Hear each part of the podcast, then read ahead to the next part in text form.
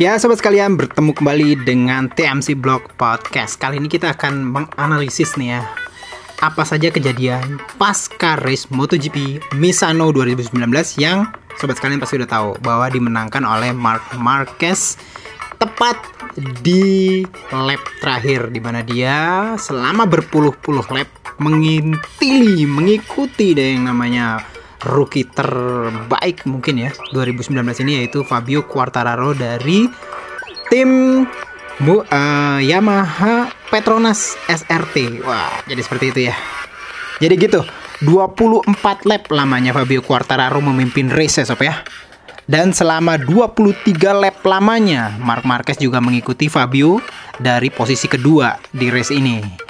Ini adalah kali pertama nih sob, dua pembalap berbeda generasi ini fight head to head gitu ya. Yang tentu di balik menang maupun kalah pastinya memiliki keuntungan tersendiri bagi kedua-duanya. Jadi dua-duanya itu walaupun siapa Mark Marquez menang dan Fabio Quartararo kalah dalam artian finish kedua, tapi dua-duanya tuh memiliki keuntungan tersendiri. Nah, keuntungannya apa sih? 23 lap tentulah berarti buat Mark Marquez untuk mempelajari salah satu rookie paling mengkilap di tahun 2019 ini yang bisa jadi akan menjelma jadi lawan beratnya di tahun-tahun mendatang. 2020, 2001 siap-siap ya Mark Marquez ketemu sama yang namanya Fabio Quartararo. 24 lap bagi Fabio tentu juga sangat berarti buat dia karena dia di momen ini dia belajar untuk menggembleng mentalnya sendiri di bawah tekanan pembalap 7 kali juara MotoGP. Eh, sorry, 7 kali juara Grand Prix ya, lintas kelas mulai dari GP125, Moto2 dan MotoGP yaitu Marc Marquez.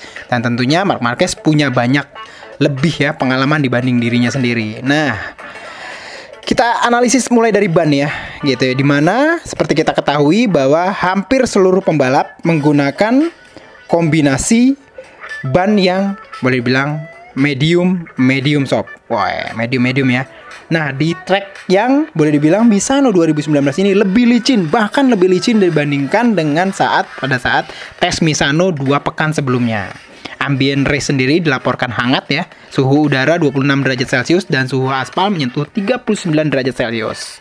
Licinnya aspal Misano ini sebelumnya karena dikarenakan jadi track itu dibersihin sob. Jadi bukan dibersihin kayak disikat atau disiram air doang, tapi enggak kayak ditembak kayak sandblast gitu. Tapi kalau sandblast itu pakai pasir.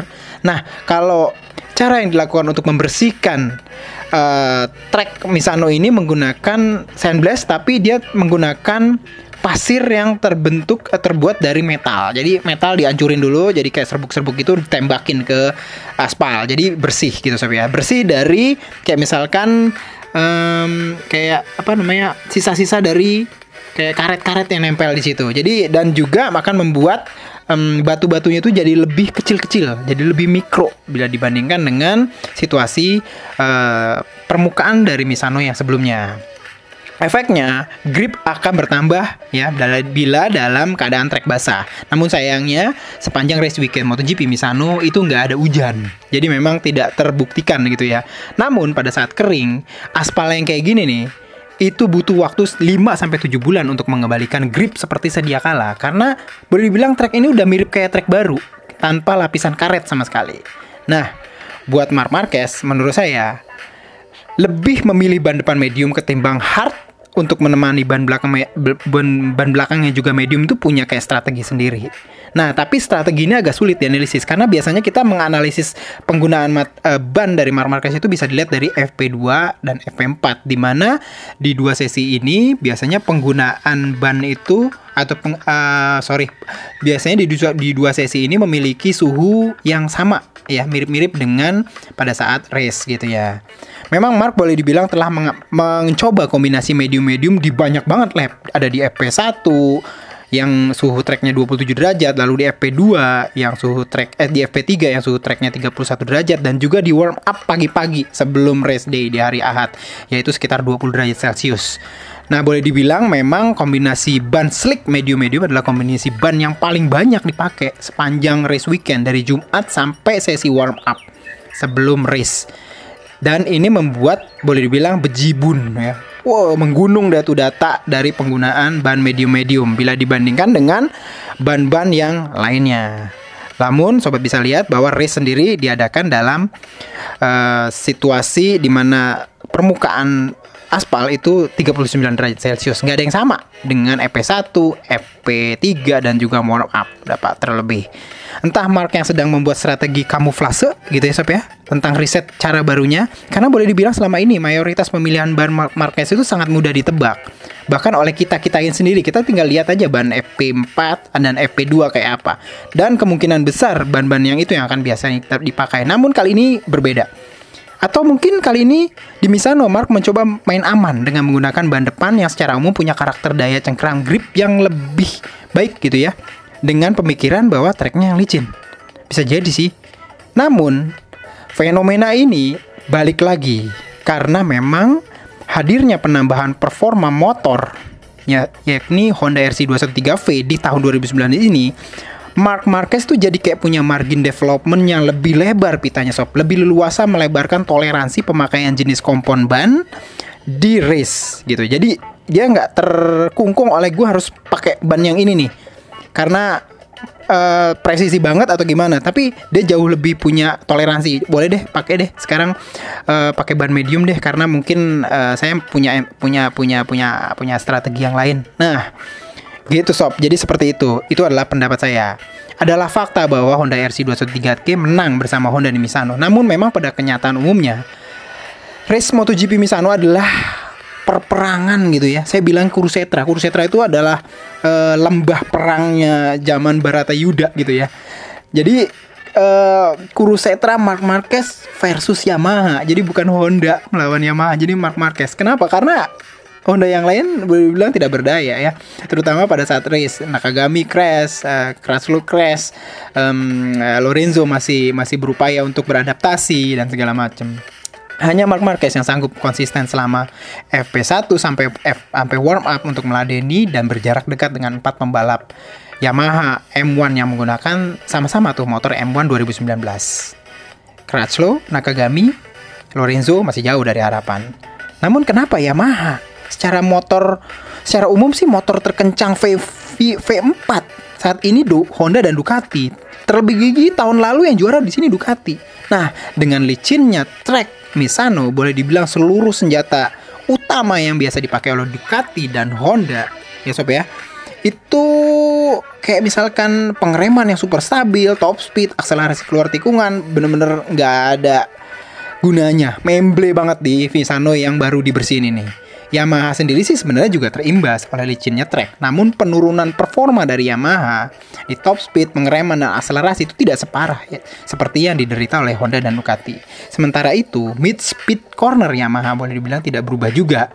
Gitu loh. Jadi boleh dibilang Yamaha masih punya banyak uh, apa namanya senjata di Misano ini kemarin dibandingkan dengan Honda dan Yamaha. Tahun depan nggak tahu deh.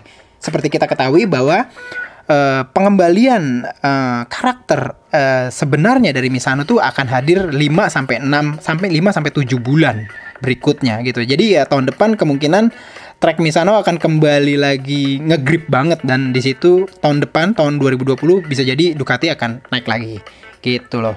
Nah, bukti empirik di mana Yamaha boleh bilang hebat banget uh, apa namanya mid speed cornernya atau cornering di tengah-tengah tikungan itu ketika di lap terakhir ya sobat mungkin bisa lihat ya di tikungan 14 tuh Fabio Quartararo tuh hampir nyundul ban belakang Mark Marquez gitu. Nah, ini kalau kena biasanya sih yang bakalan jadi korban memang Fabio Quartararo di mana ban depannya kan ban depan tuh kan uh, handling ya. Jadi kalau misalnya ban depan tuh kehilangan grip segala macam itu lebih susah untuk di counternya gitu dibandingkan dengan roda belakang yang Mark Marquez misalkan kesundul atau kena ini. Biasanya Mark Marquez akan bisa lebih lebih lebih menjaga atau bisa melakukan counter gitu di mana dia bisa menyelamatkan motor tersebut gitu loh. Nah, mid corner atau mid speed corner dari Fabio Quartararo di tikungan 14 itu sangat kencang.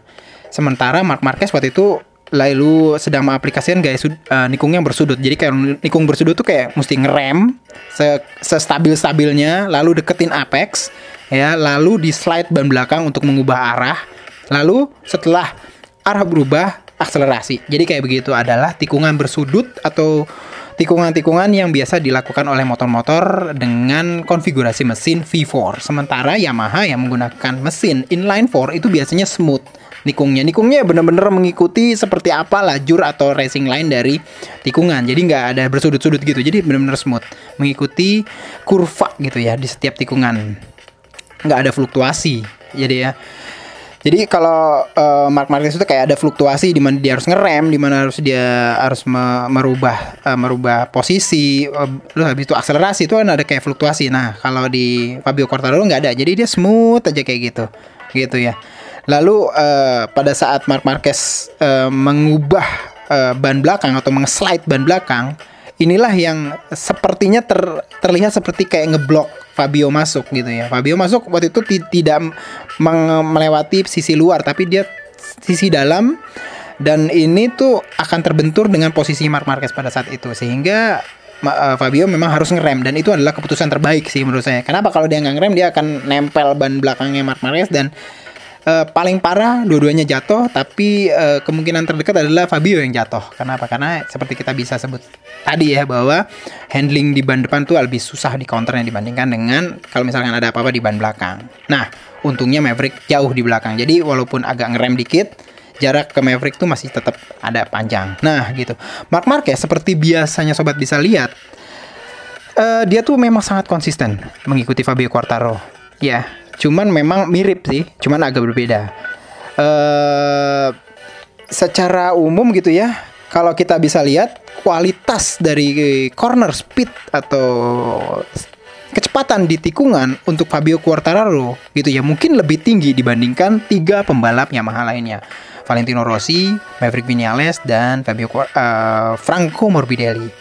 Nih, Wilco Zelenberg sendiri ya mengatakan bahwa Fabio ini memiliki kemampuan yang hebat nih boleh dibilang kemampuan rada-rada alien dalam merasakan limit dari motor dan menganggap sebenarnya bahwa sebenarnya si Will Crow ini menganggap bahwa sebenarnya level level aliennya Fabio ini mirip-mirip Mark, namun dalam dalam apa situasi yang berbeda gitu ya. Kalau Mark sendiri sih biasanya kapabilitas alien itu dalam respon dan refleks gitu kan. Misalkan kita tahu kalau misalkan dia lost uh, front grip atau rear grip itu dia pakai siku dia untuk mengangkat motor lagi dan menghindari crash gitu ya. Nah, tapi kalau yang dipak yang dimiliki oleh Fabio Quartararo adalah sensornya yang sangat sensitif terhadap meras perasaan dalam merasakan limit dari traksi ban depan. Jadi dia tuh bener-bener sangat sensitif sensor yang ada dalam tubuhnya sehingga dia bisa dengan cepat mengetahui bahwa ban akan memasuki zona limit sebelum dia masuk ke zona limit, dia akan langsung melakukan counter untuk menghindari loss grip yang dapat mengakibatkan Fabio Quartararo itu crash. Nah, seperti itu sob. Jadi boleh dibilang Fabio benar-benar bergantung pada kesensitivitasan sensor di tubuhnya untuk merasakan limit grip. Dan untungnya selama ini sensornya presisi banget. Jadi kalau udah presisi dan dia sensitif, jadi Fabio tuh tinggal geber aja tuh gas gitu. Dia geber gas sambil dia konsentrasi merasakan sensor yang ada di tubuhnya sampai uh, dia merasakan dia tetap ngasih gas gitu loh. Nah ini yang tidak dimiliki soalnya mungkin sama Maverick, Rossi maupun Franco. Karena Fabio dibilang uh, sensornya dia yakin banget gitu bahwa sensornya akan kasih warning terbaik bagi dia gitu loh gitu ya. Jadi pembalap itu memang kadang-kadang percaya banget sama hal-hal yang kayak begitu. Dia percaya sama instingnya dia saya dia percaya sama warning yang di, diberikan oleh sensornya dia. Dia percaya banget sama yang namanya ban di mana ban bisa mengawal dia nikung dan seperti itu. Dan kali ini Fabio Quartararo punya sensor yang super sensitif sehingga boleh dibilang agak susah ya. Uh, data data Fabio Quartararo bisa dicontek karena memang Yamaha sendiri mengaplikasikan policy terbuka untuk data-data di motor uh, pembalap-pembalapnya. Jadi uh, Franco Morbidelli, Valentino Rossi, dan Maverick Vinales boleh melihat dan boleh mencontek nggak ada masalah juga. Cuman memang sensor ini dalam tubuh yang nggak bisa di direplikasi di mereka, tidak bisa mereka apa namanya? tidak bisa mereka rasakan juga, tidak bisa mereka gunakan gitu ya. Nah, dengan kesensitivitasan sensor yang sangat tinggi yang mengakibatkan kecepatan Quartararo di, di tikungan itu sangat luar biasa, Mark Marquez ini tahu dan paham paham banget nih bahwa dia nggak bisa sembarangan memilih tikungan saat melakukan tusukan nanti gitu ya dalam melakukan serangan dan Mark Marquez memang kayaknya memang berniat banget melakukan serangan ini di lap terakhir. Mark Marquez tuh harus berpikir panjang dan menurut saya dalam 20 lap Mark Marquez bukan hanya fokus untuk menjekat dengan Fabio, jaga uh, ritme race pace. Namun jelas Mark Marquez melakukan apa yang selama ini dilakukan oleh para periset, para ilmuwan dan melakukan penelitian, mengumpulkan data, melakukan komparasi dan menentukan langkah selanjutnya dari hasil komparasi dan komparasi data tersebut. Namun tentunya kayak misalkan spreadsetnya sih nggak ada gitu ya. Cuman uh, kalau misalkan sobat sekalian apa namanya hadirkan lap time per sektor ya antara Mark Marquez dan Quartararo bila dibentrokan itu Quartararo itu unggul di sektor 1 dan sektor 3 sementara Mark Marquez unggul di sektor 2 dan sektor 4. Oke, jadi maksudnya kayak gimana?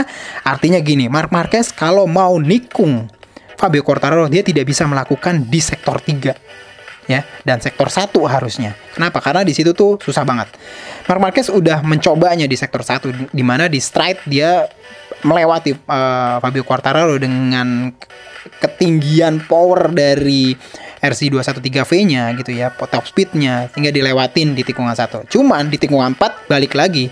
Mark Marquez dibalik tikung lagi karena memang uh, apa namanya uh, sektor 2 ini adalah uh, sektor satu ini adalah uh, sektornya Fabio Quartararo. Dia kuat banget di sini. Gitu lalu ingat bahwa setelah dari sektor 1 hadirlah yang namanya sektor 2 di mana Mark Marquez di sini kuat. Oleh karena itu Mark Marquez mau nggak mau dia harus geber di sektor 2 akhirnya Mark Marquez melakukan overtake di sebelum tikungan 8 dia hajar terus uh, gaspol terus motornya sampai melakukan hard braking menjelang tikungan 8 plus ketambahan dia menggunakan juga uh, apa namanya soal sepatunya buat tambahan pengereman. Sobat bisa lihat di tikungan 8 soal sepatu bawah dari Alpinstar uh, Mark Marquez sampai keluar asap untuk ngebantu mungkin ya pengereman dari RC213V. Nah, jadi seperti itu. Nikung sambil ngerem dan juga ngerem pakai uh, pakai soal sepatunya. Jadi seperti itu. Dan setelah itu masuk kurva uh, masuk ke sektor 3 di mana Marquez sudah tahu bahwa sektor 3 ini sektornya uh, Fabio Quartararo sendiri. Fabio Quartararo sendiri dilihat data telemetrinya oleh Franco Morbidelli ya. Franco Morbidelli bilang bahwa di tikungan 11 di Curvone gitu ya, di tikungan paling cepat di Misano itu di sektor kecil itu sendiri kecepatan atau lap time parsial dari Fabio Quartararo itu lebih cepat 0,15 sampai 0,2 detik dibandingkan dengan Franco, Rossi maupun Vinales. Wah, ngeri banget tuh ya. Jadi mau gimana juga Mark Marquez nggak bisa mengalahkan atau tadinya overtake di sekitaran tikungan 3. Kalau misalkan dia lewat di tikungan 2 maka susah untuk melakukan tikung uh, overtake uh, Fabio Quartararo di tikungan eh di sektor yang ketiga. Di mana ada kayak tikungan cepat di tikungan 11 dan lain-lain. Jadi seperti itu sob. Jadi uh, sekuat tenaga tuh di sektor 3 uh, eh, Mark Marquez uh, berada di depan. Jadi maunya gue tuh nggak mau tahu maunya harus ada di depan Fabio Quartararo di sekitar sektor 3 di mana situ ada speed corner dan segala macam. Walaupun akhirnya memang Fabio Quartararo tetap cepat di situ gitu ya.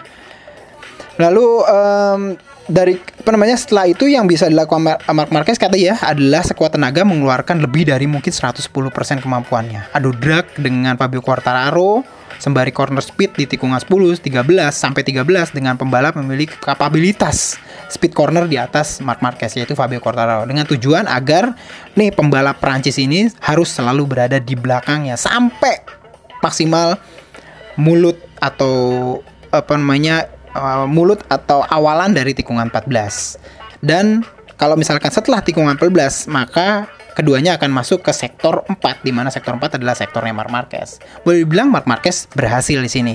Ia harus melakukan penetrasi dan serangan di tempat yang seharusnya yaitu di sektor 2 dan berusaha bertahan di sektor 3 dan akhirnya di sektor 4 di mana itu merupakan sektor yang dia sendiri dia bisa mempertahankan lebih. Kalau menurut saya gaya seperti ini udah kayak researcher. Jadi kayak ilmuwan yang tukang riset gitu ya. Jadi riset selama 20 lab dan akhirnya menggunakan hasil riset tersebut untuk melakukan serangan terakhir di tikungan ke-14 eh sorry di tikungan 8 dan uh, dia mempertahannya di tikungan 14 oke itu sob. Jadi jadi seperti itu antara Mark Marquez dengan Fabio Quartararo. Nah seperti yang sudah kita bicarakan sebelumnya bahwa Misano adalah pertempuran Mark Marquez versus Yamaha. Namun jika kita lihat lagi, ini sebenarnya adalah pertempuran antara Mark Marquez dengan Fabio dan Maverick Vinales gitu ya. Maverick Vinales itu sebenarnya kenceng banget gitu. Lap time uh, lap time-nya itu sebenarnya hampir sama dengan apa ya, lap time yang dilakukan oleh Mark Marquez dan juga uh, Fabio Quartararo hampir sama sob ya. Jadi namun uh, kesalahan dari Maverick Vinales itu ada di sekitar lap-lap awal yaitu sekitaran lap 2, lap 3 sampai lap 9 di mana dia mundur. Perkiraan saya ma ini dikarenakan karena Maverick tuh masih punya kayak masalah pada saat motor memiliki uh, bobot yang masih banyak di mana uh, kan apa apa bahan bakar tuh masih penuh jadi masih berat gitu deh. Jadi Maverick tuh biasanya memang di lap-lap eh di musim-musim yang lalu juga bermasalah di sini. Dia agak susah untuk mengendalikan motor yang masih full BBM-nya gitu loh. Jadi seperti itu sob. Lalu bagaimana uh, empat pembalap Yamaha? Ada Maverick Vinales, Quartararo, Rossi, Morbidelli gitu loh gitu loh jadi level race-nya tuh boleh dibilang terbagi dua terbagi dua kutub gitu ya. Rossi sama dengan Morbidelli sementara Quartararo sama cepatnya dengan Vinales. Nah gimana nih bisa kayak gini? Mesinnya padahal sama sama-sama Yamaha M1 2019 gitu ya. Uh, alasannya mungkin Fabio Quartararo mungkin mungkin ya ada rumor bahwa dia uh, RPM limitnya lebih kurang 500 RPM cuman apa gunanya gitu kan? Di Misano ini bukannya uh, high speed call, uh, high speed uh, sirkuit di mana membutuhkan top speed dan segala macam. Di sini tuh slow boleh dibilang. Nggak sampai orang uh, ngehajar sampai sampai limit tinggi RPM gitu loh. Artinya uh, boleh dibilang pada dasarnya M1 buat keempat pembalap Yamaha ini boleh dibilang sama rata di sini ya. Terlepas dari dari misalkan rumor uh, di limitnya RPM dari Fabio Quartararo gitu ya. Sok depan juga udah sama-sama Ohlins karbon. Mungkin yang beda adalah Vinales dan Rossi udah pakai support swing arm berbahan karbon yang diyakini memberikan feel lebih presisi katanya. Gitu. Lalu kenapa Valentino Rossi dan Morbidelli bisa sangat jauh tertinggal gitu ya? Yang pertama adalah efisiensi, pasti efisiensi dari Fabio Quartararo dalam mengeksekusi dari speed corner. Seperti kita ketahui tadi bahwa uh, Franco Morbidelli itu sempat uh, membocorkan data telemetri bahwa Fabio melakukan speed corner di tikungan 11 itu 0,15 sampai 0,2 detik lebih cepat dibandingkan dengan dirinya Rossi dan juga Vinales. Lalu dia tuh kayak lebih alien dalam merasakan limit dari ban gitu. Jadi punya sensor yang lebih sensitif dibandingkan ketiga pembalap lainnya. Dan yang ketiga, yang pasti adalah Fabio Quartararo masih muda. Orang bilang dengan darah muda dia bisa geber lebih. Cuman memang secara saintifik gitu ya. Saya ungkap, saya kutip dari uh, penulasan hemat oksi bahwa ada kandungan enzim mono monoamin ya oksidas oksida gitu ya monoamin oksida dalam tubuh. Nah, monoamin oksida ini jika uh, namanya uh, sorry uh, eh, MAO atau monoamin oksida enzimnya ini yang ditemukan sekitar tahun 1928 itu akan bekerja dengan serat-serat transmisi dari neuro atau saraf gitu ya yang menentukan manajemen resiko dari tubuh. Maksudnya apa sih? Gini loh, semakin banyak enzim ini maka akan seorang itu akan semakin ketat dalam mengambil keputusan dan mengambil resiko. Artinya semakin ketat tuh dia akan mikir-mikirnya lebih lebih lebih ketat gitu loh. Kalau semakin banyak MOA-nya. Lalu kalau semakin dikit sebaliknya artinya kalau semakin dikit dari enzim monoamine oksida ini maka dia akan semakin berani gitu dalam melakukan tikungan, melakukan hard brake dan segala macamnya. Nah, jika usia seseorang itu semakin bertambah maka uh, kandungan enzim uh, monoamin oksida ini akan semakin banyak gitu. Artinya jadi memang itu merupakan kayak misalkan udah jadi udah jadi jalannya gitu. Setiap orang yang lebih tua maka uh, kandungan enzim ini akan semakin banyak. Dia akan lebih ketat dalam pemutusan atau pengambilan resiko. Sehingga ya ini tuh berlaku juga di balap. Jadi orang yang udah lebih lebih tua gitu ya lebih umurnya lebih lebih tinggi berarti dia mungkin uh, lebih gampang merasa deg-deg dan mungkin lebih uh, merasa dia harus ambil uh, resiko tidak terlalu tinggi gitu. Jadi seperti itulah mungkin yang terjadi di Fabio Quartararo dan mungkin kalau dibandingkan dengan ekstrimnya dengan Valentino Rossi yang sudah berusia 40 tahun. Itu sob. Jadi seperti itu. Misano adalah sebuah cerita yang unik ya MotoGP Misano. Namun jangan berhenti karena di Aragon kita juga akan langsung melihat seperti apa uh, apa namanya Fabio Quartaro di sana gitu lah. Jika di Misano ini Mark Marquez yang hadir di teritori musuh, maka di Aragon nanti Fabio Quartaro yang akan hadir di teritori musuh. Teritori ini bukan artinya kayak misalkan Aragon yang merupakan berada di Spanyol di mana negara ini di mana Mark Marquez tinggal, namun karena Aragon juga memiliki karakter sirkuit yang boleh dibilang Mark Marquez banget. Aragon ini left handed gitu jadi tikungannya uh, sorry uh, sirkuit yang arah putarnya itu apa namanya berkebalikan dengan arah jarum jam dan selama ini tikungan-tikungan uh, sirkuit-sirkuit jenis inilah yang merupakan sirkuit berkarakter Mark Marquez. Kita akan lihat nanti seperti apa di Aragon. Itu aja mungkin uh, review ya analisis saya mengenai race MotoGP Misano 2019. Kita akan bertemu di podcast-podcast selanjutnya sob. Itu aja. Sampai berjumpa kembali nanti. Salam